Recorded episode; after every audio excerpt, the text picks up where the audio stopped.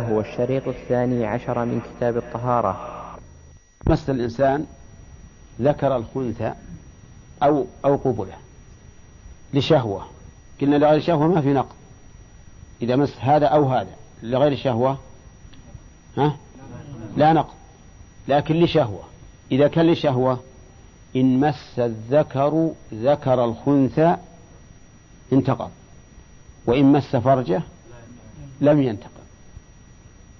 وإن مست الأنثى ذكره لم ينتقض وإن مست فرجه انتقض.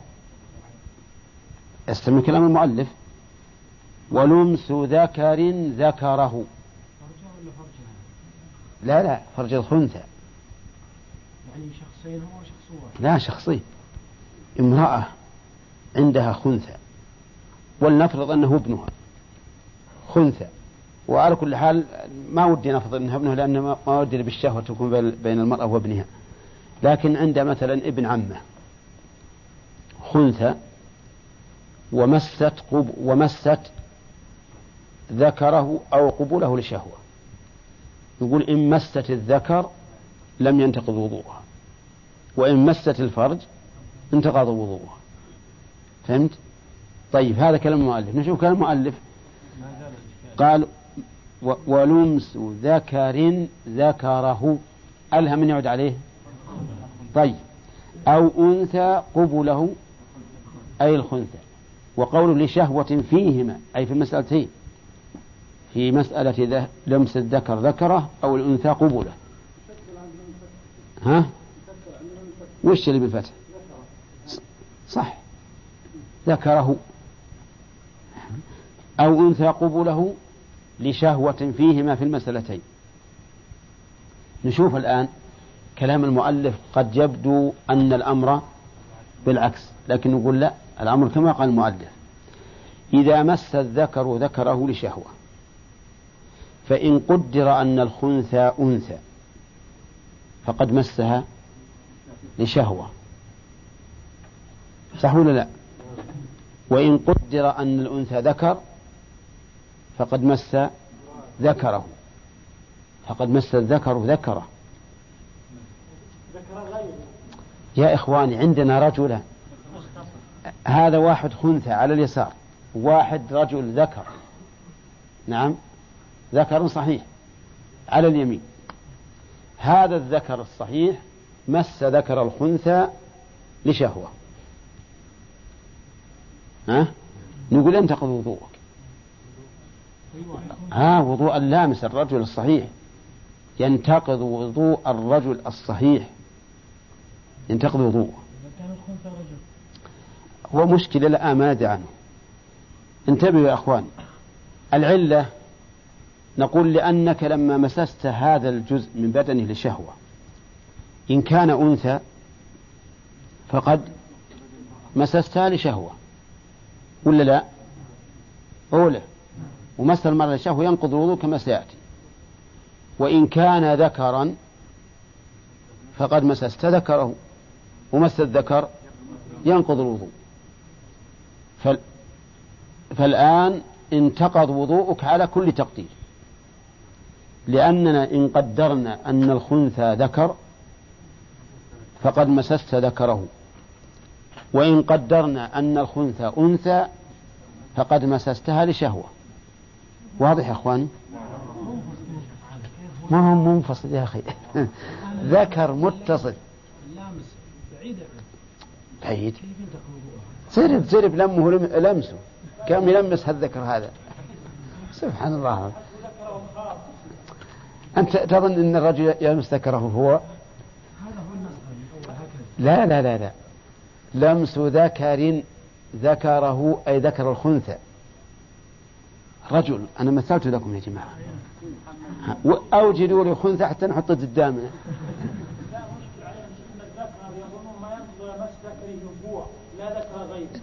لا لا ما أظن.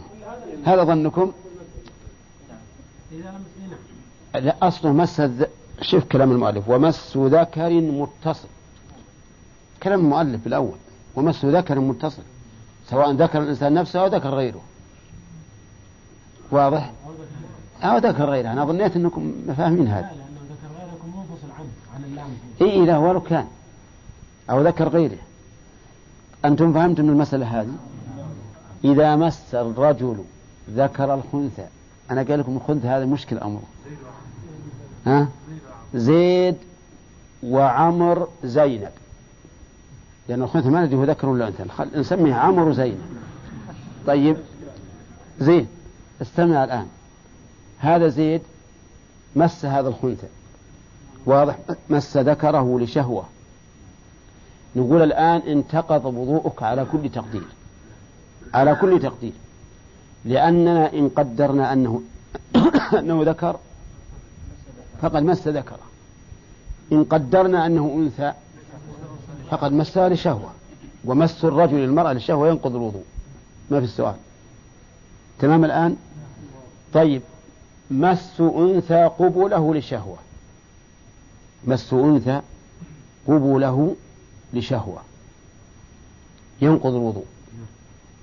سذا طيب. هذه امرأة صحيحة. امرأة صحيحة. ما هي خنثى؟ عندها خنثى. فمست قبل الخنثى لشهوة. ينتقض وضوءها. صح؟ لماذا؟ نقول هذا الخنثى إن كان ذكرا فقد لمستيه لشهوة. ومس المرأة الرجل لشهوة ينقض الوضوء. وإن كان الخنثى أنثى فقد مسست فرجها. ومس فرج المرأة ينقض الوضوء. اتضح المقام ولا لا؟ طيب. جئنا للرجل مرة ثانية. هذا الرجل مس فرج الأنثى آه، الخنثى لشهوة. مس فرج الخنثى لشهوة. ما ينتقض وضوءه. يا جماعة ما ينتقض وضوءه. يمس الفرج ما ينتقض وضوءه. رجل يمس فرج الخنثى لشهوة ما ينتقض وضوءه. لماذا؟ إن كان إن كان الخنثى ذكرا ذكرا. فقد مسه لشهوة ومس الذكر الذكر لشهوة لا ينقض الوضوء. عرفتم؟ وإن كان أنثى فقد مس فرجها وانتقض وضوءه. لكن ما عندنا علم الآن. في الشك فيبقى الوضوء على أصله ولا ينتقض الوضوء. واضح؟ طيب. ها؟ واضح؟ نعيدها مرة ثانية. هذا رجل صحيح وخنثى مشكل. الرجل الصحيح مس بيده فرج الخنثى لشهوة. ها؟ طيب نقول ما ينتقض وضوءه؟ لماذا؟ لأن هذا الخنثى يحتمل أنه ذكر ويحتمل أنه أنثى. إن كان أنثى وش حكم وضوء اللامس؟ ينتقض لأنه فرج. إن كان ذكرا لا ينتقض. طيب هو مسه لشهوة نقول نعم ولو مسه لشهوة لأن مس الرجل الرجل لشهوة لا ينقض الوضوء. فالاحتمال الآن موجود ولا نقض بالاحتمال. تمام؟ نرجع مرة ثانية إلى المرأة. مع الخنثى. هذه امرأة مست الخنثى مست ذكر الخنثى لشهوة. مست ذكر الخنثى لشهوة. ما ينتقض الوضوء؟ يا ناس مست آلة ال- الجماع لشهوة. ما ينتقض وضوءه. وضوءها لا ينتقض. لماذا؟ لأن هذا الخنثى يحتمل أن يكون أنثى. ويحتمل أن يكون ذكرا. إن كان ذكرا فقد مست ذكره وانتقض وضوءها وإن كان أنثى فقد مستها لشهوة ومس المرأة المرأة لشهوة لا ينقض الوضوء. تمام؟ إذا فلا نقض. فصارت الصور عندنا أربع أربعا. نعم. وإن, وإن شئتم نزيد الخامسة بدون شهوة حتى تتم الصور. أولا مس أحد فرجي الخنثى بدون شهوة. أجيبوا. لا نقض مطلقا سواء كان اللامس ذكرا أم أم أنثى. مس ذكر مس أحد فرجي الخنثى المشكل لشهوة. له أربع صور. صورتان ينتقض وصورتان لا ينتقض. الصورتان التي ينتقض رقم واحد إذا مس الذكر ذكره. رقم اثنين إذا مست الأنثى فرجه. الصورتان التي لا ينتقض رقم واحد إذا مس الذكر فرجه وإذا مست الأنثى ذكره. هذه الصورة. أما أما التعليل فقد علمتموه. التعليل فهمناه طيب. يقول المؤلف رحمه الله ومسه امرأة بشهوة أو تمسه بها. هذا أي الناقض؟ ما خرج من سبيل. وخارج من بقية البدن. وزوال العقل. ومس الذكر المتصل. الخامس. الخامس. مسه الضمير يعود على الإنسان أو الذكر. مسه أي الذكر. ما هو الخنثى؟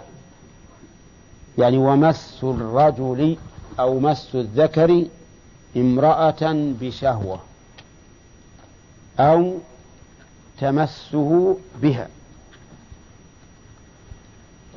المس هنا ما قيده المؤلف. ما قيده؟ بكونه باليد أو بالكف فيكون عاما ولا لا؟ يكون عاما. إذا مسها بيده أو بمرفقه أو بذراعه أو بساقه أو بفمه بشهوة انتقض وضوءه. كذا ولا لا؟ والباء في قوله بشهوة للمصاحبة. يعني مسا مصحوبا بالشهوة. نعم. وبعضهم يعبر فيقول مسه لشهوة مسه امرأة لشهوة باللام. ونجعل اللام في, في هذا التعبير للتعليل. يعني مسا يحمل عليه الشهوة. يعني نعم. طيب على كل حال بشهوة أو لشهوة المعنى واحد. ولكن المؤلف اشترط أن يكون المس بشهوة. طيب ما هو الدليل؟ الدليل أولا قبل. كلمة امرأة كلمة امرأة ليست ككلمة أنثى بل المرأة البالغة ولكن البلوغ ليس بشرط والمراد المرأة التي تتعلق بها الشهوة. تتعلق بها الشهوة. والدليل على ذلك قوله تعالى أو لامستم النساء. يا أيها الذين آمنوا إذا قمتم إلى الصلاة فاصلوا وجوهكم وأيديكم إلى المرافق وامسحوا برؤوسكم وأرجلكم إلى الكعبين وإن كنتم جنبا فاطهروا وإن كنتم مرضى أو على سفر أو جاء أحد منكم من الغائط أو لامستم النساء فلم تجدوا ماء فتيمموا. هذا الدليل عبد الرحمن بن داود. قالوا لامستم وفي قراءة سبعية لمستم. واللمس والمس معناهما واحد.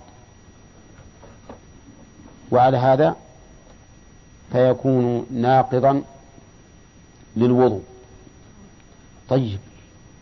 إذا إذا استدللنا بالآية فليس في الآية قيد الشهوة. أولى.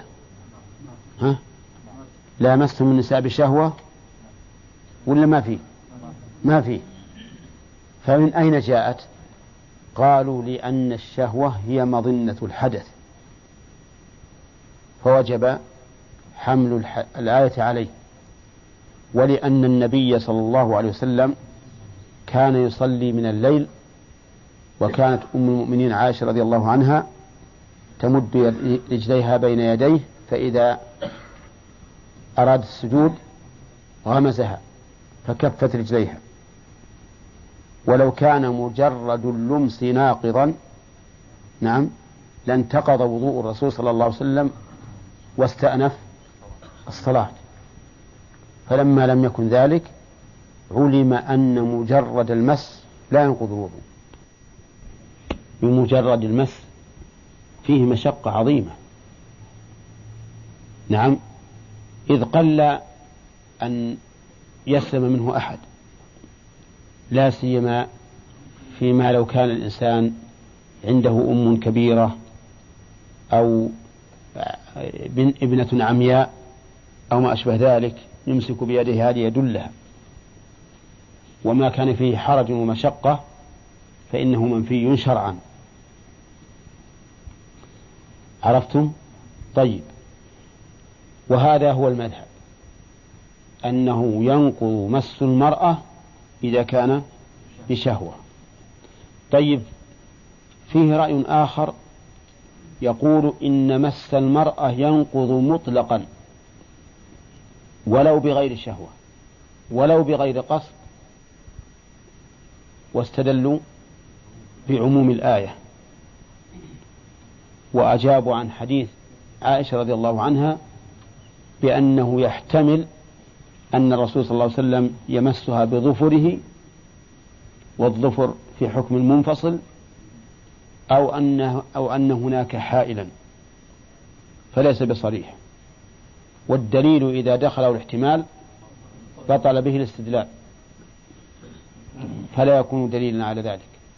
فنحن نأخذ بظاهر ها؟ بظاهر الآية. ولهذا تجد هؤلاء الذين يأخذون بهذا المذهب في المطاف تجد بعضهم يلبس قفازين وهو رجل. ليش؟ يقول أخف أخشى مع الزحام أن تمسني يد امرأة. نعم. فإذا مست فإذا مست يدي يد, يد امرأة ها؟ انتقض الوضوء وإذا انتقض الوضوء بطل بطل الطواف. ولكن آخرين من أهل العلم قابلوا هؤلاء. قالوا لا نقض مطلقا. لا ينقض مس المرأة مطلقا. ولو الفرج بالفرج. لا ينقض. ولو بشهوة. نعم. كيف؟ وش حجة هؤلاء؟ قالوا حجتنا في هذا ما صح عن النبي صلى الله عليه وسلم أنه قبل امرأة من نسائه وخرج إلى الصلاة ولم يتوضأ. حدثت به عائشة ابن أختها عروة بن الزبير فقال ما أظن المرأة إلا أنت. فضحكت. وهذا الحديث صحيح. وله شواهد متعددة. وقالوا أيضا إن الأصل إيش؟ عدم النقض حتى يقوم دليل على النقض دليل صحيح صريح. لأن الرجل وقد ذكرتها من قبل إذا أتم طهارته بمقتضى الدليل الشرعي ها؟ فلا يمكن أن ترتفع هذه الطهارة إلا بدليل شرعي. وعلى هذا فعندنا الآن دليل إيجابي ودليل لا سلبي. الدليل الإيجابي أن الرسول صلى الله عليه وسلم كان يقبل ولا يتوضأ. والدليل السلبي عدم الدليل. أنه لا هنا ليس هناك دليل ومن ادعى النقص فليتفضل. فإن قالوا نحن ندمعكم بكلام الله عز وجل أو لامستم النساء وفي قراءة سبعية أو لمستم النساء. فالجواب أن المراد بالملامسة الجماع. كما صح ذلك عن ابن عباس رضي الله عنهما امرأة لشهوة فيهما ومس امرأة بشهوة أو تمسه بها. مسه الضمير يعود على الرجل. مسه نبدأ من جديد الآن. مسه أي مس الرجل امرأة بشهوة. الباء هنا للمصاحبة. يعني مسا مصحوبا بشهوة. وقوله مسه أي الرجل ظاهر كلامه العموم وأنه لا فرق بين الصغير والكبير والعاقل والمجنون والحر والعبد. وقوله امرأة كلمة امرأة تطلق في الغالب على المرأة البالغة. ولكن المراد بها هنا أنثى الأنثى مطلقا. فظاهره أنه يشمل الأنثى سواء كانت صغيرة أو كبيرة حرة أو عبدة من محارمه أو من غير محارمه. ما دام لشهوة فإنه ينتقض. ولكن الفقهاء رحمهم الله قيدوا ذلك بمن بلغ سبعا سواء من اللامس أو من الملموس. من اللامس أو من الملموس لا بد أن يبلغ سبعا. يعني إذا يشترط للرجل إذا مس المرأة بشهوة أن يكون قد بلغ سبع سنين. وللمرأة الملموسة أن تكون قد بلغت سبع سنين.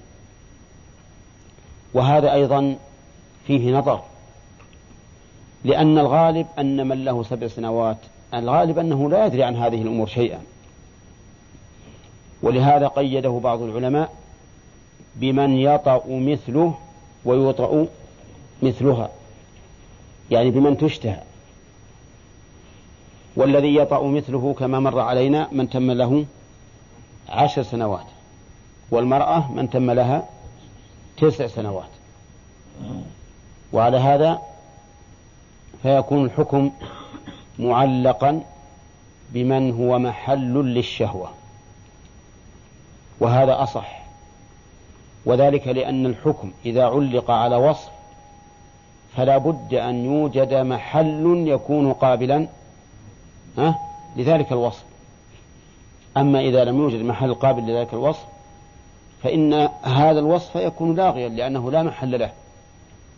وعلى هذا فلا بد من أن يكون اللامس والملموس محلا للشهوة بحيث يوطأ مثله إن كان ملموسا ويطأ مثله, مثله إن كان لامسا. وقول المؤلف مسه كلمة مس لا تصدق إلا على ما إذا لم يكن حائل. أما مع الحائل فلا مس. وعلى هذا فلو ضم الإنسان امرأته بشهوة لكن ما خرج شيء فإنه لا ينتقض وضوء لماذا؟ لعدم اللمس.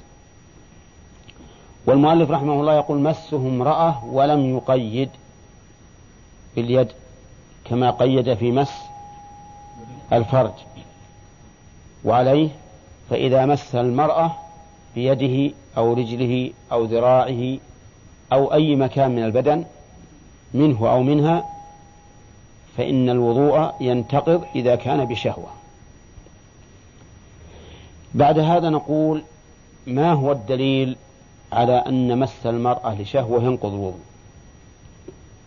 الدليل على ذلك قوله تعالى أو جاء أحد منكم من الغائط أو لامستم النساء.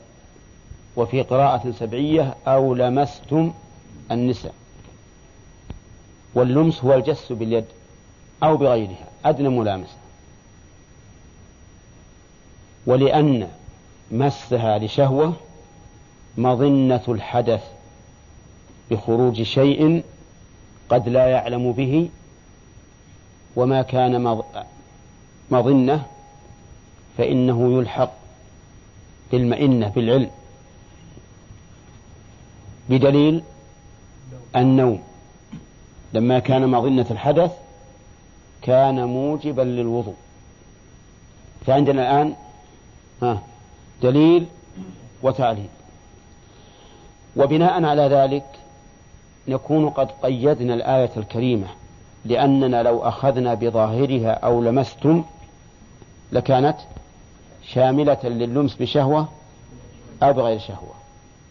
لكن قيدناها بالذي لشهوة لأنه مظنة الحدث. وهذا فيه خلاف بين الأصوليين. هل يخص العموم بالعلة أو لا يخص؟ وليس هذا موضع البحث. وقال وهذا ما استدل به من قال إن مس المرأة لشهوة ينقض الوضوء. والمسألة فيها ثلاثة أقوال لأهل العلم. هذا أحدها وهو المشهور مذهب الإمام أحمد. القول الثاني أن مس المرأة ينقض مطلقا. مطلقا. لشهوة أو لغير شهوة. أي امرأة يمسها رجل لشهوة أو لغير شهوة من محارمه أو من غير محارمه فإنه فإن وضوءه ينتقض. حتى لو تصافح امرأة انتقض وضوءك لعموم قوله أو لامستم النساء. ما في الآية ما في الآية قيد. فيجب أن نأخذ بعمومها. القول الثالث أنه لا ينتقض الوضوء مطلقا. عكس القول الثاني. وعللوا واستدلوا لذلك وعللوا أيضا. أما استدلالهم فقالوا إنه إن عائشة رضي الله عنها أخبرت أن النبي صلى الله عليه وسلم قبل بعض نسائه وخرج إلى الصلاة ولم يتوضأ. ولو كان ولو كان الوضوء ناقضا نعم لو كان اللمس ناقضا لتوضأ الرسول صلى الله عليه وسلم قبل أن يصلي. فقولها خرج إلى الصلاة ولم يتوضأ. يدل على أنه لم ينتقض وضوءه. فإن قيل أفلا يمكن أن يكون هذا التقبيل لغير شهوة؟ ها؟ كيف؟ يمكن لكن بعيد. رجل يقبل شهوة امرأته يكون تقبيله بغير شهوة هذا بعيد جدا. وعلى هذا فإن ثم إن عائشة رضي الله عنها يظهر أنها استدلت بذلك على أن القبلة لا تنقض الوضوء. واستدلوا أيضا بأن عائشة كانت تنام بين يدي الرسول صلى الله عليه وسلم وهو يصلي من الليل. فإذا أراد أن يسجد غمزها قالوا وهذا دليل على أن المس لا ينقض الوضوء. لكن هذا ليس دليلا ليس دليلا ولا يصح أن يكون دليلا. لماذا؟ لأن الشهوة هنا بعيدة جدا. نعم هو دليل على من يقولون إن المس ناقض مطلقا. هذا صحيح. إذا كان الرسول يمس بشرتها عند غمزه إياها بدون بدون حائل. وأما التعليل وهو تعليل قوي فقالوا إن الوضوء حين تم صح بمقتضى دليل شرعي. وما ثبت بمقتضى دليل شرعي ما يجوز أن يرفع إلا بدليل شرعي إلا بدليل شرعي. فإذا وهذا كلام سليم ولا غير سليم؟ هذا كلام سليم لا شك فيه. والأصل عدم النقض. لكن إذا قال قائل عندنا دليل شرعي الآية الكريمة أو لأمستم النساء هذا الدليل الشرعي وعندنا تعليل وهو أن مس المرأة لشهوة مظنة الحدث فوجب أن ينتقض الوضوء به. إذا لا بد أن نجيب على هذا الدليل وإلا صار الحق مع من يقول إن المس ينقض الوضوء. نعم إما مطلقا أو لشهوة. طيب أجابوا عن هذا. قالوا إن الآية الكريمة يراد بالملامسة فيها الجماع. وش الدليل؟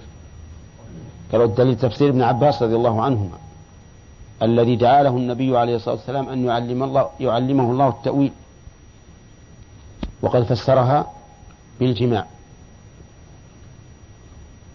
وهو أولى من يؤخذ قوله في التفسير إلا أن يعارضه من هو أرجح منه. ثم إن هناك دليلا من تقسيم الآية الكريمة. الآية الكريمة فيها تقسيم. تقسيم للطهارة أصلية وبدل وتقسيم للطهارة كبرى وصغرى وتقسيم لأسباب الطهارة الصغرى والكبرى. فهنا ثلاث جهات. الآية فيها مقسمة. ولا لا؟ طهارة أصلية وبدل والثاني صغرى وكبرى والثالث سبب أصغر وسبب أكبر. ولننظر. قال الله تعالى يا أيها الذين آمنوا إذا قمتم إلى الصلاة فأصلوا وجوهكم وأيديكم إلى المرافق وامسحوا برؤوسكم وأرجلكم إلى الكعبين. هذا هذه طهارة بالماء أصلية. صغرى بسبب نعم صغرى بس ما, ما, ما, أتى السبب. ثم قال وإن كنتم جنبا فاطهروا. هذه كبرى أصلية ولا بدل؟ أصلية فاطهروا. وإن كنتم مرضى أو على سفر أو جاء أحد منكم من الغائط أو لامستم النساء فلم تجدوا ماء فتيمموا. تيمموا هذا البدل. جاء أحد منكم من الغائط هذا بيان سبب الصورة أو لامستم النساء بيان سبب الكبرى. بيان سبب الكبرى. ولو حملناه على المس الذي هو الجس باليد لكانت الآية الكريمة ذكر الله فيها سببين للطهارة. الصغرى وسكت عن سبب الطهارة الكبرى مع أنه قال وإن كنتم جنبا فاطهروا مع أنه ذكر طهارتها. وهذا خلاف البلاغة القرآنية. و وعليه فتكون الآية دالة على أن المراد بقوله أو لامستم أي جامعتم النساء. ليكون الله تعالى ذكر السببين الموجبين للطهارة السبب الأكبر والسبب الأصغر. السبب الأصغر في أي في أي كلمة؟ أو جاء أحد منكم من الغائط. والأكبر أو لامستم النساء. واضح؟ طيب في الطهارتين الصغرى في الأعضاء الأربعة والكبرى في جميع البدن. البدل في عضوين فقط. البدل اللي هو طهارة التيمم في عضوين فقط لأنه يتساوى فيها الطهارة الكبرى والطهارة الصغرى. وعلى هذا فالقول الراجح أن مس المرأة لشهوة لا ينقض الوضوء إلا إذا خرج منه شيء وإلا فلا نقض لما علمت من الحديث الذي روته عائشة رضي الله عنها ومن أن الأصل بقاء الطهارة وعدم النقض. وعلمت الجواب عن ما استدل به القائلون بالوجوب. نعم. أي نعم السؤال ممنوع إلا حتى تعلن الساعة إن شاء الله. احتفظ بالسؤال إن شاء الله. نعم. يقول أو تمسه بها ومس حلقة دبر. مس حلقة دبر أيضا من النواقض ولا يحتاج أن يخص ويذكر لأنه داخل في عموم مس الفرج لا غير الذكر. يعني لو قال المؤلف مس الفرج لاكتفى لكن لما ذكر مس الذكر احتاج أن يقول ومس حلقة دبر.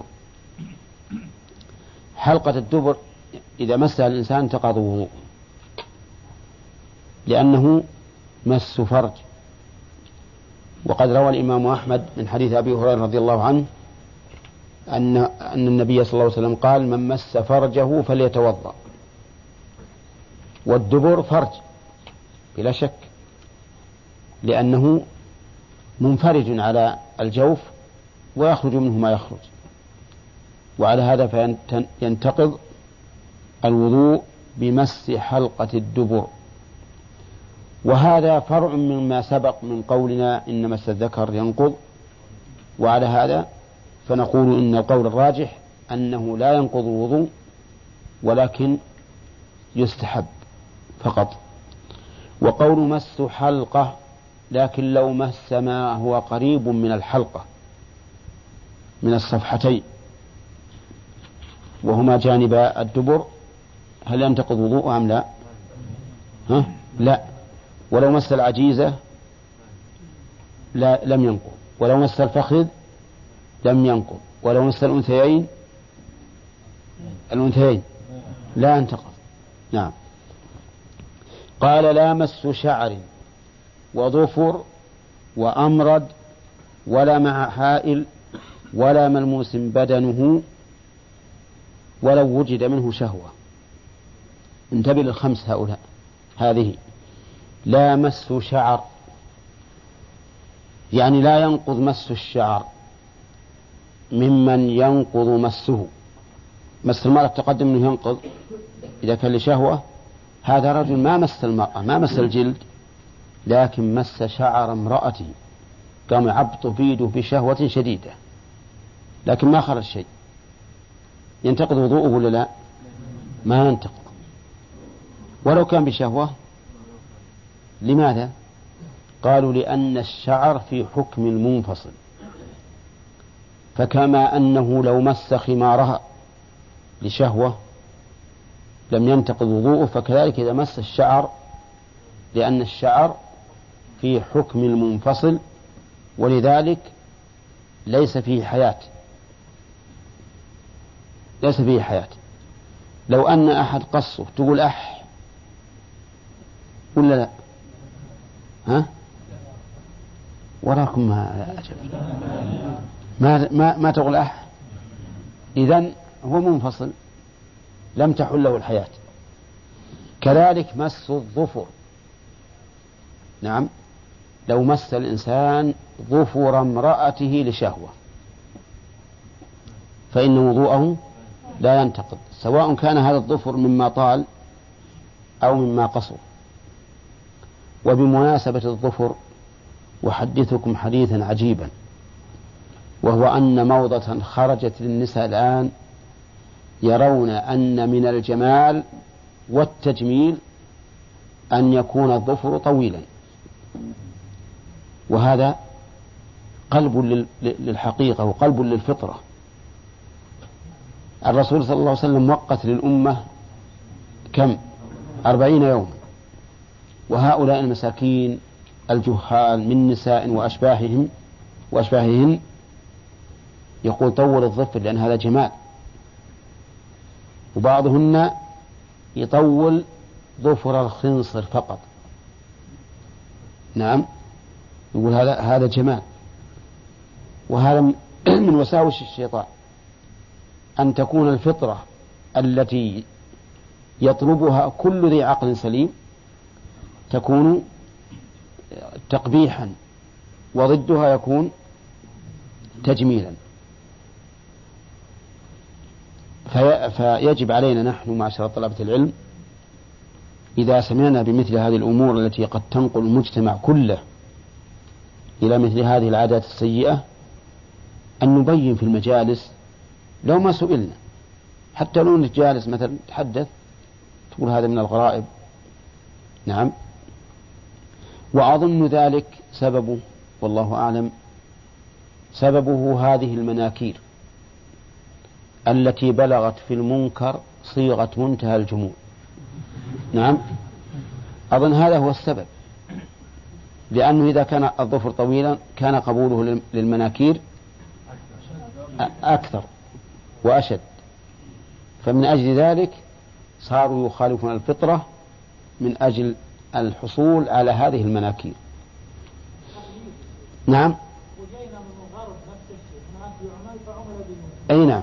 نعم من الشيطان. طيب هذا هذا الظفر. لا ينتقض لا ينتقض الوضوء بمس ولو لشهوة طيب فإن ضغط على ظفرها على الأنملة العليا على الظفر وما يقابله من أسفل. ها؟ لشهوة. ينتقد آه من الجانب الآخر مسها من الجانب الآخر مسها فيكون منتقضا وضوءه بناء على أن اللمس ينقض الوضوء. إي نعم صح. خلينا نكملها الخمسة اللي بدينا بها الآن. قال وأمرد بقى علينا من مما هو في حكم المنفصل شيء ثالث. السن. لو مس سنها لشهوة لم ينتقض وضوء ليش؟ قال لأن السن في حكم منفصل. لأنه ما يحس ما في حياة. ما في حياة. قال ابن عقيل رحمه الله وإذا قلتم إن هذه الثلاث ليس فيها حياة فقولوا إن المس بالعضو الأشل لا ينقض الوضوء أيضا. وأنتم تقولون بنقضه. العضو الأشل. إنسان يده شلة ما تحس. لو تلمس بالنار ما حست. أي نعم؟ بس حياته ما ما تشعر بشيء. يعني هو يمس الحصى ويمس الحار والبارد واللين والقاسي وهو عنده سواء. فيقول هذا أبلغ. مع أن السن هنا يحس. ها؟ ليس على الإطلاق. هو أشد إحساسا من الشعر. لأن الشعر لو تغمسه في ماء يغلي تحس به ولا لا؟ ولكن السن لو تشرب حار ها تحس ولا لا؟ فهو أقرب إلى الإحساس من من من الشعر. ومع ذلك قالوا إنه في حكم منفصل لأنه ليس فيه إحساس. طيب. وأمرد. من الأمرد؟ الأمرد هو الشاب الذي ضر شاربه يعني أخضر ولم تنبت لحيته. هذا هو الأمرد يقول مؤلف إن مس الأمرد ولو لشهوة لا ينقض الوضوء لماذا؟ قال لأنه ليس محلا لذلك. ولهذا قال لوط لقومه أتأتون الذكران من العالمين؟ وتذرون ما خلق لكم ربكم من أزواجكم. فالذكر ما خلق للذكر. فليس محلا للشهوة فهو كما لو مس بنت ثلاثة أشهر. واحد في بنية صغيرة ثلاثة أشهر في المهد. قام يلمسها وقال إنه يمسها لشهوة. ينتقد وضوءه ولا لا؟ ليش؟ ليست محل للشهوة. قال إذا مس الأمرد ليس محل للشهوة لأن الأمرد نفسه ما خلق لهذا. فمسه ولو لشهوة شديدة لا ينقض الوضوء ولكن هذا القول ضعيف جدا إذا قلنا بنقض الوضوء بمس بالمس لشهوة. لأن من الناس من قلب الله فطرته والعياذ بالله وحسه وصار يشتهي الذكور كما يشتهي النساء. بل أشد. قوم لوط لما جاءوا إلى لوط قال هؤلاء بناتي إن كنتم فاعلين. قالوا لقد علمت ما لنا في, بنات في بناتك من حق. وإنك لتعلم ما نريد. وش يريدون؟ يريدون هالشبان اللي جاءت الملائكة بصورة شبان يريدون هؤلاء. فكون العقل السليم والفطرة تأبى أن تتعلق بذكر هذا صحيح. لكن يوجد من قلب الله فطرته وصار يتعلق بالذكور أكثر مما يتعلق بالإناث. نسأل الله العافية والحماية. فالصواب بلا شك أن مس الأمرد كمس المرأة سواء. حتى إن بعض أهل العلم قال إن النظر إلى الأمرد حرام. كالنظر إلى المرأة مطلقا وقالوا إنه يجب عليك غض البصر. وقال شيخ الإسلام لا تجوز الخلوة بالأمرد ولو لقصد التعليم. لأن الشيطان يجري من ابن آدم مجرى الدم. وكم من أناس كانوا قتلى لهذا الأمر. فأصبحوا والعياذ بالله فريسة للشيطان والأهوى. وهذه مسألة يجب الحذر منها. ولهذا كان القول الراجح الصواب. المقطوع به أن عقوبة اللوط فاعلا أو مفعولا به راضيا القتل بكل حال إذا كانوا بالغين عاقلين حتى وإن كانوا غير محصنين. الزنا ما فيه رجم إلا في الإحصان وأما اللواط والعياذ بالله ففيه القتل بكل حال. قال شيخ الإسلام رحمه الله إن الصحابة أجمعوا على قتل الفاعل والمفعول به. أجمعوا. لكن اختلفوا كيف يقتل. فأبو بكر رضي الله عنه حرقهم بالنار. وعبد الله بن الزبير حرقهم بالنار اللوطية. وكذلك عبد الملك حرقهم بالنار لأن فعلتهم هذه فعلتهم هذه فعلة من أقبح المنكرات. ولهذا قال الله تعالى ولا تقربوا الزنا إنه كان فاحشة. فاحشة. يعني من الفواحش. نكرة. لكن في اللواط قال قال لوط لقومه أتأتون الفاحشة. الفاحشة. كأنها بلغت في الفحش غايته. وأعلاه والعياذ بالله. فالصواب بلا شك أن اللواط موجب للقتل. ويقتله الإمام بما يرى أنه أردع عن هذه الفعلة هذه الفعلة الخبيثة. لأن هذه الفعلة مشكل ما يمكن التحرز منها إطلاقا. لكن الزنا قد يتحرز منه. فإن الرجل إذا وجد معه امرأة قل تعال ما هذه المرأة؟ لكن رجل معه رجل وش ماذا نقول؟ وهذا كما قالوا أيضا إن قتل الغيلة موجب للقتل بكل حال ولو عفى أولياء المقتول لأن قتل الغيلة لا يمكن التحرز منه. وهذه الفاحشة كذلك. فالحاصل أن مس الأمرد إذا قلنا بأن مس المرأة لشهوة موجب للوضوء فمس الأمرد ها كذلك. مس الأمرد كذلك. قال وأمرد ولا مع حائل. يعني ولا المس مع حائل. لماذا؟ لأن المس حقيقته الملامسة بدون بش... بدون حائل. قال ولا ملموس بدنه. هذا رجل يمس امرأة لشهوة لكن هي امرأة عجوز كبيرة باردة الشهوة.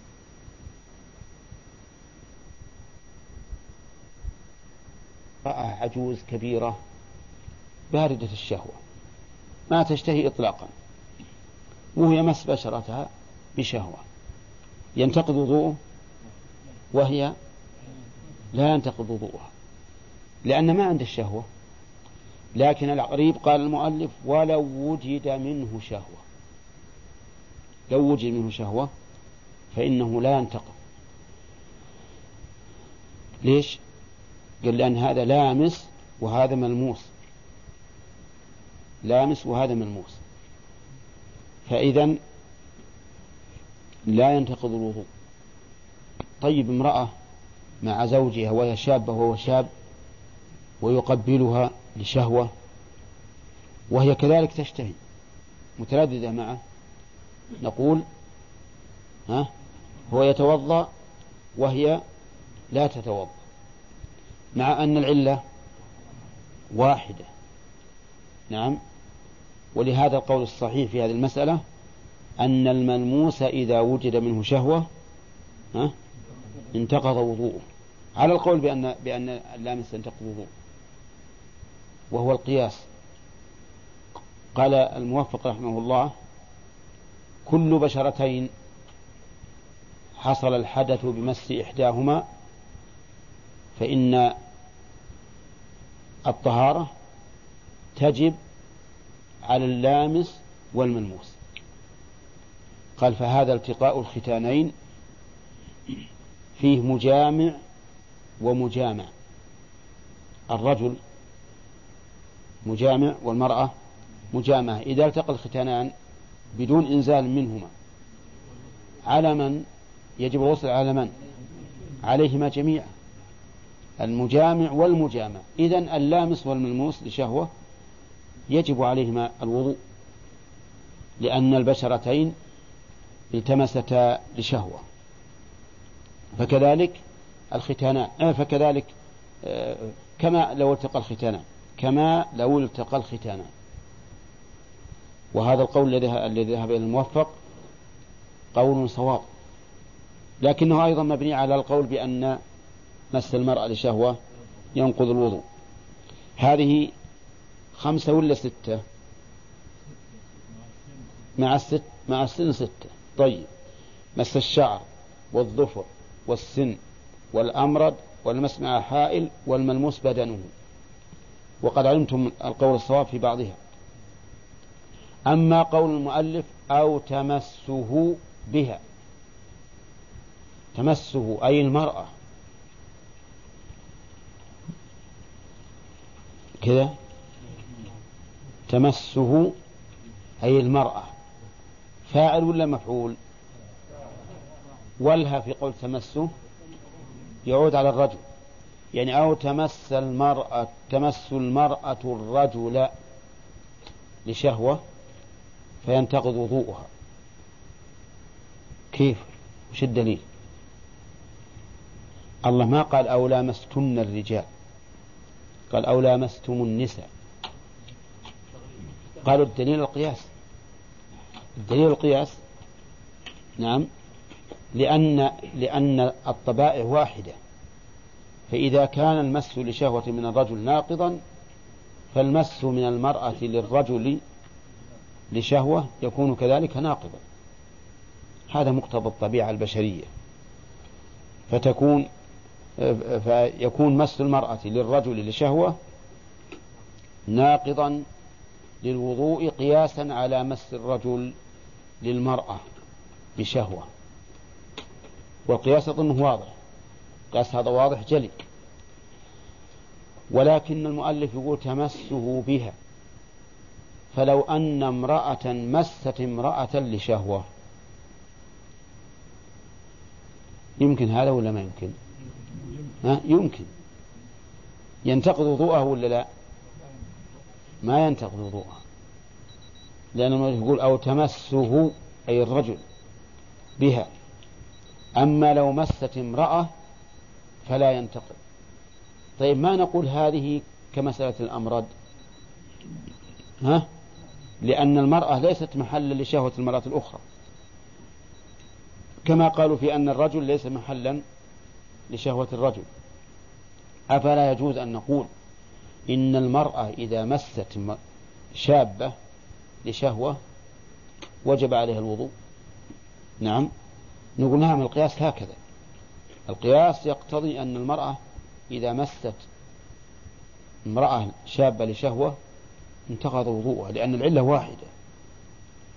وكم من من بعض النساء ما أقول كم كثير يعني يوجد بعض النساء تتعلق رغبتها بالشابات. مثل ما أن بعض الرجال يتعلق شاب رغبتهم بالشباب.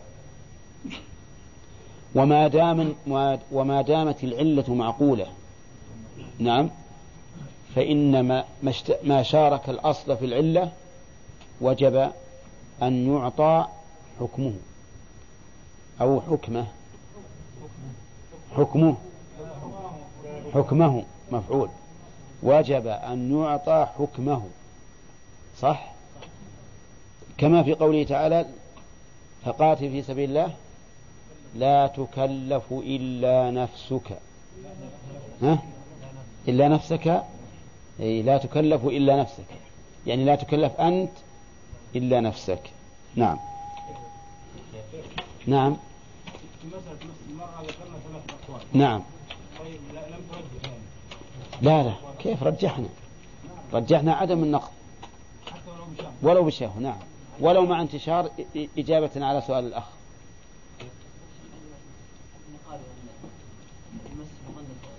نعم. نعم في مظنة.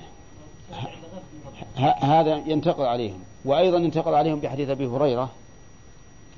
الرجل يجد الشيء في الصلاة يخيل إليه أنه خرج منه شيء. وهذه الرياح في البطن مظنة الخروج. أولى. ومع ذلك قال لا ينصرف حتى يسمع صوتا أو يجد ريحا. نعم. قلنا رجحنا أن مس المرأة بشهوة غير شهوة لا ينقض الوضوء نعم.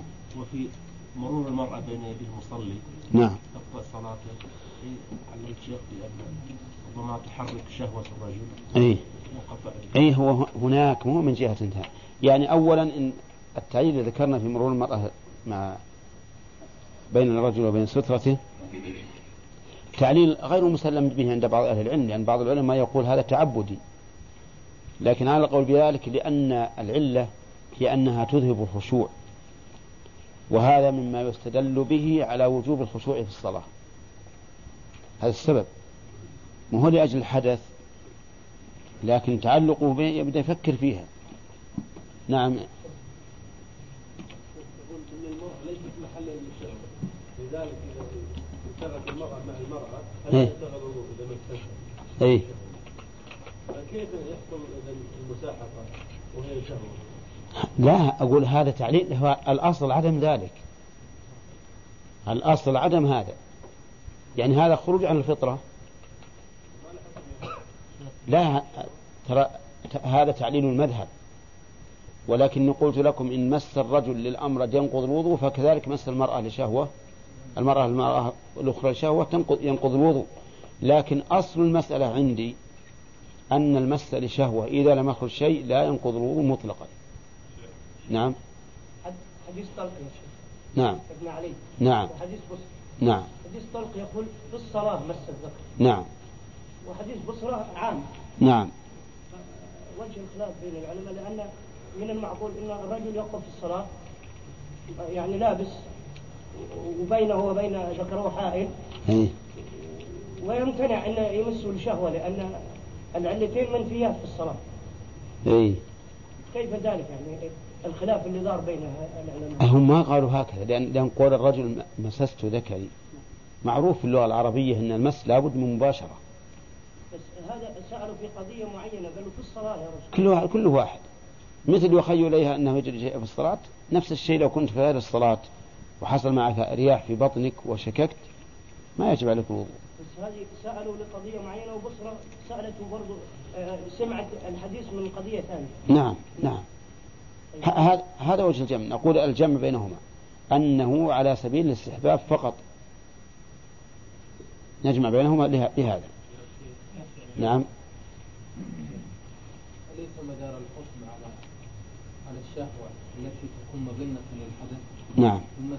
نعم. فهذه العلة ألا تقوي القول بالمس بشهوة ينقض مطلقا اي بس من يقول هذا؟ هذا يق... لا لا يعني ينقض مطلقا؟ المس بشهوة. اي بشهوة؟ هو هذا هذا السبب إنهم عللوا قال لأنه إذا كان بشهوة ربما يخرج شيء وهو لا يشعر نجيب بأن بأنه لا نقض إلا إذا خرج الشيء. لأن كل الأحكام علقت على الوجود. ولهذا في المرأة التي تحتلم قال لها الرسول عليه الصلاة والسلام نعم إذا هي رأت الماء فلا بد أن يبرز الحدث. نعم. قد يكون قائل يعني استدلالكم بحديث عائشة. نعم. فيه نظر من الحديث علّه بعض أهل العلم بالانقطاع. نعم. ومن تفسير ابن عباس في الآية. نعم. يعني وجد من خالفه من الصحابة. نعم. ابن مسعود نعم وكذلك تؤيده يعني القراءة أو لمستم النساء نعم. نرد على هذا؟ على بأن حديث عائشة صححه بعض أهل العلم ومن صحح فهو حجة على من ضعف إلا إذا بين الجرح كما هو معروف. هذا بالنسبة للحديث. ثم حديث تفسير ابن عباس وابن مسعود. نقول ظاهر الآية كما ذكرنا لكم من جهة التقسيم يدل على أن تفسير ابن عباس أولى بها. أما القراءة فاللمس يطلق على على على هذا. المس واللمس كله يطلق على الجماع. وإن طلقتموهن من قبل أن تمسوهن وقد فرضتم لهن فريضة وما أشبه ذلك. لا جناح عليكم إن طلقتم النساء من أن تمسوهن. وهذا يكن الله عن الجماع بمثل هذا لأنها جرت العادة بأن ما يستحيا من ذكره صريحا يكنى عنه. نعم. هؤلاء البنات إن قلنا أنهم طبعا كفار فكيف يزوجهم بنات إن قلنا بالتزويج وإن قلنا أنه يعرض عليهم عليهم بنات فمشكلة أيضا حاشا للوط أن يفعل هذا. كيف الجواب؟ لا ما في شك إنه, إنه يريد أن يزوجهم بناته بمقتضى الشريعة لكن ما نعرف عدد الشريعة عندهم. هل هي توافق شريعتنا في تحريم نكاح الكافر أم لا؟ لأ لأنك تعرف أن تحريم نكاح الكافر ما نزل إلا متأخرا بعد بدر. أي نعم. ها هم مجموعة ظاهرة نعم. هم مجموعة كيف يزوج أو يزوج اثنين فقط يزوج اللي, يمكن تزويجه. وبعض العلماء يقول هؤلاء بناته إنه يشير إلى بنات إلى نساء قومه. وينقض غسل ميت. ينقض غسل. غسل بالفتح. بمعنى تغسيل. بمعنى تغسيل. وأما غسل بالضم فهو المعنى الحاصل بالتغسيل. إذا ينقض غسل الميت أي تغسيل الميت. يعني لو أن أحدا غسل ميتا فإن وضوءه ينتقض. وسواء غسل كله أو غسل بعضه. وقول المؤلف غسل الميت يشمل الذكر والأنثى. والصغير والكبير. فلو أن رجلا غسل طفلا صغيرا وجب عليه الوضوء انتقض وضوءه. ولو أنه غسل رجلا بالغا نعم انتقض وضوءه. ولو كان ابنه ها ولو كان ابنه. ولو أن امرأة غسلت امرأة كبيرة أو صغيرة انتقض وضوءها. حتى من وراء حائل. نعم حتى من وراء حائل. لأن المؤلف يقول غسل الميت ولم يقل مس. يعني لو وضع على يده خرقة وصار يغسل فإنه ينتقض وضوءه مطلقا. وهذا الذي مشى عليه المؤلف من مفردات مذهب الإمام أحمد. يعني أن الأئمة الثلاثة على خلافهم. وحينئذ تكون المسألة من مسائل النزاع بين أهل العلم. ولدينا قاعدة أصلها الله عز وجل لنا وهي أن مسائل النزاع ترد إلى الله ورسوله. فما وافق الكتاب والسنة قبل وما لا فلا. فلننظر ما دامت هذه المسألة من مفردات مذهب الإمام أحمد فمعناه أن أو فمقتضاه أن جمهور أهل العلم على خلاف ذلك أي على أن تأصيل الميت لا ينقض الوضوء. تغسيل الميت لا ينقض الوضوء. بالكم. طيب ما حجة هذا القول؟ أعني القول بوجوب الوضوء. حجتهم ما روي عن ابن عمر وأبي هريرة وابن أسبر وابن عباس ثلاثتهم أنهم أمروا غاسل الميت بالوضوء. نعم. طيب هؤلاء ثلاثة من الصحابة. كم بقي من الصحابة؟ ها؟ بقي كثير. ثم إن أمرهم غاسل الميت بالوضوء يحتمل أنه على سبيل الاستحباب وليس على سبيل الوجوب. هذا هذا الدليل. الدليل إذن ما روي عن عبد الله بن عمر وابن عباس وأبي هريرة بأمر غسل الميت بالوضوء. تعليل قالوا لأن غاسل الميت غالبا قد يمس فرجه. ومس الفرج ناقض للوضوء مس الفرج ناقض الوضوء. وحينئذ أوجبنا على من غسل ميتا أن يتوضأ. أما الذين قالوا بعدم النقض فقالوا إن النقض يحتاج إلى دليل شرعي يرتفع به الوضوء الثابت بدليل شرعي. فنحن وإياكم متفقون على أن هذا الرجل على طهارة. أليس كذلك؟ إذا غسل الميت فنحتاج إلى دليل من كتاب الله أو سنة رسوله أو الإجماع على أن تغسيله ينقض الوضوء. التمسنا في القرآن ما وجدنا شيئا. في السنة ما وجدنا شيئا. في الإجماع ها ما وجدنا شيئا.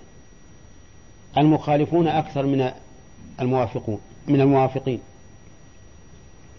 فيكون على هذا عدم النقض أسعد بالدليل من النقض. ونجيب عن أمر هؤلاء الصحابة الثلاثة بأن الأمر يحتمل أن يكون على سبيل الاستحباب. وفرض شيء على عباد الله من غير دليل تطمئن إليه النفس أمر صعب. لأن فرض ما ليس بفرض كتحريم ما ليس بحرام. ولأننا إذا فرضنا عليهم الوضوء أبطلنا صلاتهم. إذا صلوا بدون وضوء وإبطال الصلاة يحتاج إلى دليل. كيف نجترئ على أن نقول لهذا الرجل الذي غسل الميت وصلى بدون وضوء كيف نجترئ عليه ونقول عبادتك فاسدة؟ يجب عليك أن تعيدها بعد الوضوء. صعب. يحتاج إلى دليل بين. ولهذا يجب علينا أن نتحرى في مسألة نواقض الوضوء. فلا نجترئ على قول بأن هذا ناقض إلا إذا وجدنا شيئا واضحا يكون حجة لنا عند الله سبحانه وتعالى. أن نوجب على عباد الله ما لم يوجبه أو أن نفسد عبادات عباد الله بدون بدون دليل. وأما التعليل الذي قالوا إنه ربما يلمس فرج الميت فينتقض وضوءه بمس الفرج. فنقول إن هذا القياس غير صحيح. أولا أننا لا نسلم أن مس الفرج ناقض الوضوء. هذه واحدة. ثانيا سلمنا أنه ناقض الوضوء فاحتمال أن يكون مس فرجه لا يوجب الوضوء. أليس كذلك؟ كما لو شك هل خرج منه شيء أم لا؟ فقد قال النبي عليه الصلاة والسلام لا يخرج لا ينصرف حتى لا ينصرف حتى يسمع صوتا أو يجد ريح. ونقول لهم أيضا ما تقولون فيما لو غسل حيا؟ لو غسل حيا إنسان مريض يحتاج إلى تغسيل فغسله. هل ينتقض وضوءه؟ ها؟ يقولون لا. احتمال أن يكون مس فرجه وارد في تغسيل الحي وارد. فالعلة التي ذكرتم إذا انتقضت بتغسيل الحي. ولهذا كان الصواب الذي اختاره الموفق شيخ الإسلام ابن تيمية وجماعة من أهل العلم أن تغسيل الميت لا ينقض الوضوء. ما هو الدليل؟ عدم الدليل. وش الكلام هذا؟ ها؟ الدليل عدم الدليل. أنا أقول لك أعطني دليل وتقول الدليل عدم الدليل. كيف هذا؟ نعم نقول عدم الدليل على النقض. نعم. وعدم المفسد فيما كان قائم الإصلاح. ها؟ دليل. عدم وجود المفسد فيما كان قائم الإصلاح دليل. والله أعلم. أكل اللحم خاصة من الجزور. أكل اللحم. شرحين ذا. أبد؟ طيب أكل اللحم خاصة. كلمة خاصة تعود إلى اللحم. لا إلى الجزور لأن الجزور تغني عن كلمة خاصة. أكل اللحم من الجزور ناقض الوضوء. وهذا أيضا من مفردات الإمام أحمد. والأئمة الثلاثة على خلاف ذلك. فما هو شرح المؤلف؟ قال أكل اللحم. كلمة أكل اللحم يعم الني والمطبوخ. ولا لا؟ لأن كله يسمى أكل. ويخرج به عدم الأكل كما لو مضغه ولم يبلعه. فإنه لا ينتقض لأنه لا يقال لمن مضغ الشيء ثم لفظه لا يقال أكله. وقول أكل اللحم خاصة خرج بكلمة خاصة ما عدا اللحم. وش اللي عدا اللحم؟ الشحم والكرش والكبد والكلية والأمعاء وما أشبه ذلك. لأن هذا لا يسمى لحما. بدليل أنك لو قلت لشخص خذ هذا الدرهم اشتري به لحما لي ثم جاء لك بكرش لقلت أنا ما وصيتك على كرش وصيتك على لحم فالكرش وشبهها لا يدخل في اسم اللحم لهذا الدليل. وعلى وعليه فيكون النقض خاصا باللحم الذي هو الهبر. الذي يسمونه أنتم الهبر عندكم؟ ها؟ اتفقت لغات الجزيرة اللحم يعني الهبر. وما عدا ذلك فإنه لا ينقض الوضوء لأنه لا يدخل في اسم اللحم. وأيضا الأصل بقاء الطهارة. ودخول غير الهبر دخول احتمالي. واليقين لا يزول بالاحتمال. فإذا أكل كرشا أو أمعاء أو كلية أو كبدا فإن هذا يحتمل أن يكون داخلا في الحديث ويحتمل أن يكون غير داخل و و والأصل بقاء الطهارة حتى نتيقن وجود الناقض. وعلى هذا فلا ينقض. وأيضا فإن النقض بلحم الإبل أمر تعبدي. أمر تعبدي غير معقول المعنى. يعني نحن لا نعقل العلة وإن كنا نعلم أنه ما من شيء حكم الله به حكما كونيا أو قدريا إلا وله حكمة. لكن لقلة علمنا يفوتنا كثير من الحكم. وما فاتنا وما فاتنا حكمته من الأحكام فإننا نسميه اصطلاحا تعبديا. بمعنى أنه علينا أن نتعبد لله به وإن لم نعلم حكمته. وإذا كان الأمر تعبديا فإنه لا يمكن الإلحاق والقياس. لأن من شرط القياس أن يكون الأصل معللا إذ أن القياس إلحاق فرع بأصل لعلة في حكم لعلة جامعة. وإذا كان لا بد من العلة فالأمور التعبدية غير معقولة المعنى وحينئذ لا نلحق غير الهبر بالهبر. عرفتم؟ هذا هو حجة القائلين بأن لحم الإبل هو الهبر خاصة. وقوله من الجزور من الجزور. كلمة من الجزور تعني الناقة. خرج به اللحم من غير الجزور. حتى وإن شارك الجزور في الحكم. كالبقر مثلا البقرة تسمى بدنة. ومع ذلك فإن لحمها لا ينقض الوضوء. اللحم المحرم ينقض الوضوء ولا لا؟ يعني لو اضطر الإنسان إلى أكل الميتة أو إلى أكل حمار فله أن يأكل ولا ينتقض وضوء فما عدا لحم الإبل لا ينقض الوضوء سواء كان حلالا أو حراما أبيح للضرورة أو حراما تجرأ الإنسان عليه من غير ضرورة فإنه لا ينقض الوضوء. لماذا؟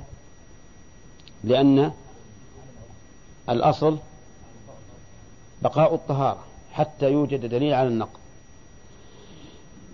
يبقى عندنا ما هو الدليل على أن لحم الإبل ينقض الوضوء.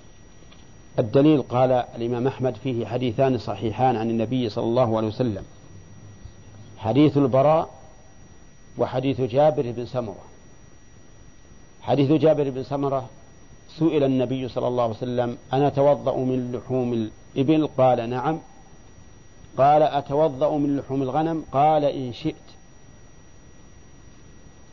وجه الدلالة على وجوب من هذا الحديث أن تعليقه الوضوء بالمشيئة في لحم الإبل الغنم في لحم الغنم دليل على أن لحم الإبل لا مشيئة فيه ولا خيار فيه وأن الوضوء منه واجب وأن الوضوء منه واجب.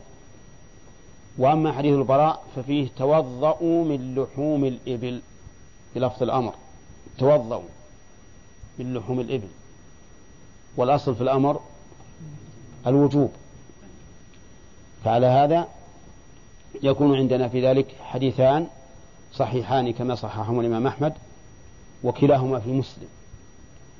وإذا ثبت عن النبي عليه الصلاة والسلام ذلك فإنه يجب علينا التمشي بمقتضاه. إذا هل العلماء الذين خالفوا الإمام أحمد في هذا قد عصوا الله لأنهم تركوا الواجب. نعم. هم مجتهدون. لكن ليس كل مجتهد مصيبا. قد يجتهد الإنسان ويخطئ. وإذا كان قد بذل وسعه في طلب الحق ولكنه لم يوفق للصواب فإن له أجرا على اجتهاده وعذرا في خطئه. لأن الله تعالى لا يكلف نفسا إلا وسعها. الذين احتج... الذين قالوا بعدم النقض يقولون إن إنه قد روى أهل السنن من حديث جابر رضي الله عنه. قال كان آخر الأمرين من رسول الله صلى الله عليه وسلم ترك الوضوء مما مست النار. ترك الوضوء مما مست النار. وكلمة مما مست عام. يشمل نعم الإبل وغير الإبل. وهو قد صرح كان آخر الأمرين ترك الوضوء. وإذا كان آخر الأمرين فالواجب أن نأخذ بالآخر فالآخر من الشريعة لأن الآخر يكون ناسخا للأول وهذا معلوم. في دليل آخر عن ابن عباس رضي الله عنهما أن النبي صلى الله عليه وسلم قال الوضوء مما خرج لا مما دخل. نعم. وزاد بعض العلماء أو نسبوه أيضا أثرا والفطر مما دخل لا مما خرج. شوف تقابل. القاعدة الثانية لأجل يخرجون الحجامة. لأن الحجامة خارجة ما هي داخلة. فيقول الفطر مما دخل لا مما خرج والوضوء مما خرج لا مما دخل لأجل يخرجون لحم الإبل ما ينقض الوضوء. ولكن حديث ابن عباس ضعيف لا يصح مرفوعا إلى الرسول عليه الصلاة والسلام وإن صح موقوفا عليه فقد خولف. وأما حديث جابر كان آخر الأمرين ترك الوضوء من مسة النار فإنه لا يعارض حديث الإبل حديث نقض الوضوء بلحم الإبل فضلا عن كونه ناسخا له. كيف لا يعارضه؟ لأن حديث جابر عام وحديث الإبل خاص والقاعدة المتفق عليها بين أهل العلم أن العام يحمل على الخاص. وأنه يخرج منه الصورة التي قام عليها دليل التخصيص. تخرج من العام. عرفتم؟ وحينئذ هل هناك تعارض حتى نقول بالنسخ؟ لا. ولا يجوز لنا أن ننسخ أو أن نحكم بالنسخ مع إمكان الجمع. لأن النسخ مع إمكان الجمع معناه إبطال أحد الدليلين مع أنه ليس بباطل. إذا ما الغرض من حديث جابر؟ لابد أن يكون له, له حكمة يعني سياقه هو أن الرسول صلى الله عليه وسلم كان قد أمر بالوضوء مما مست النار وصح عنه الأمر بذلك. أمر بالوضوء مما مست النار. فقال جابر كان آخر الأمرين ترك الوضوء. وعلى هذا فإذا كان الرسول أمر وترك أمر وترك. فمن أهل العلم من أصل أصلا لكنه ليس بأصيل. وقال إن الرسول عليه الصلاة والسلام إذا أمر بشيء وفعله صار الفعل خاصا به وبقي الأمر بالنسبة للأمة على مدلوله يعني للوجوب. انتبه لهذه القاعدة. ولكن هذا هذا الأصل غير أصيل. لأن سنة الرسول صلى الله عليه وسلم قوله وفعله. فإذا عارض قوله فعله أو بلا عارض قوله فعله. إذا عارض قوله فعله فإن أمكن الجمع فلا خصوصية. لأننا مأمورون بالاقتداء به قولا وفعلا. ولا يجوز أن نحمله على الخصوصية مع إمكان الجمع. لأن معنى ذلك إهدار شطر من السنة وهو السنة الفعلية بدون حاجة إلى ذلك.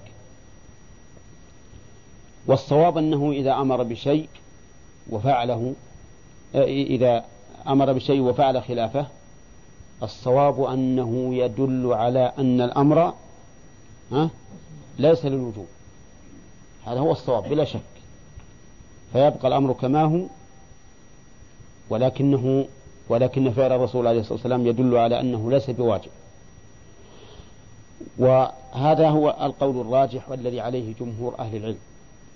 وإن كان الشوكاني رحمه الله يميل إلى الأول إلى أن فعل الرسول عليه الصلاة والسلام الذي يخالف قوله يكون خاصا به حتى مع إمكان الجمع. طيب إذا نقول حديث جابر وش المراد منه؟ لا وش المراد منه؟ سياقه يعني لأي شيء. ليبين أن الوضوء مما مست النار ليس بواجب. ليس بواجب لفعل الرسول عليه الصلاة والسلام له في آخر الأمر. مثل ما مر علينا في القيام للجنازة قام ثم ثم قعد. طيب وعلى هذا فيكون ما استدل به هؤلاء على أن لحم الإبل لا ينقض الوضوء يكون دليلا ضعيفا يكون دليلا ضعيفا. ويبقى حديث الأمر بالوضوء من لحم الإبل يبقى سالما من المعارض المقاوم. وإذا كان سالما من المعارض المقاوم وجب الأخذ بمقتضاه وبمدلوله. بقي أن يقال ما هي الحكمة في أنه يجب الوضوء مما من من من لحوم الإبل؟ فالجواب من وجهين؟ الوجه الأول أن نقول إن الحكمة أمر الرسول عليه الصلاة والسلام. هذه الحكمة. فكل ما أتى به الرسول عليه الصلاة والسلام من الأحكام فهو حكمة.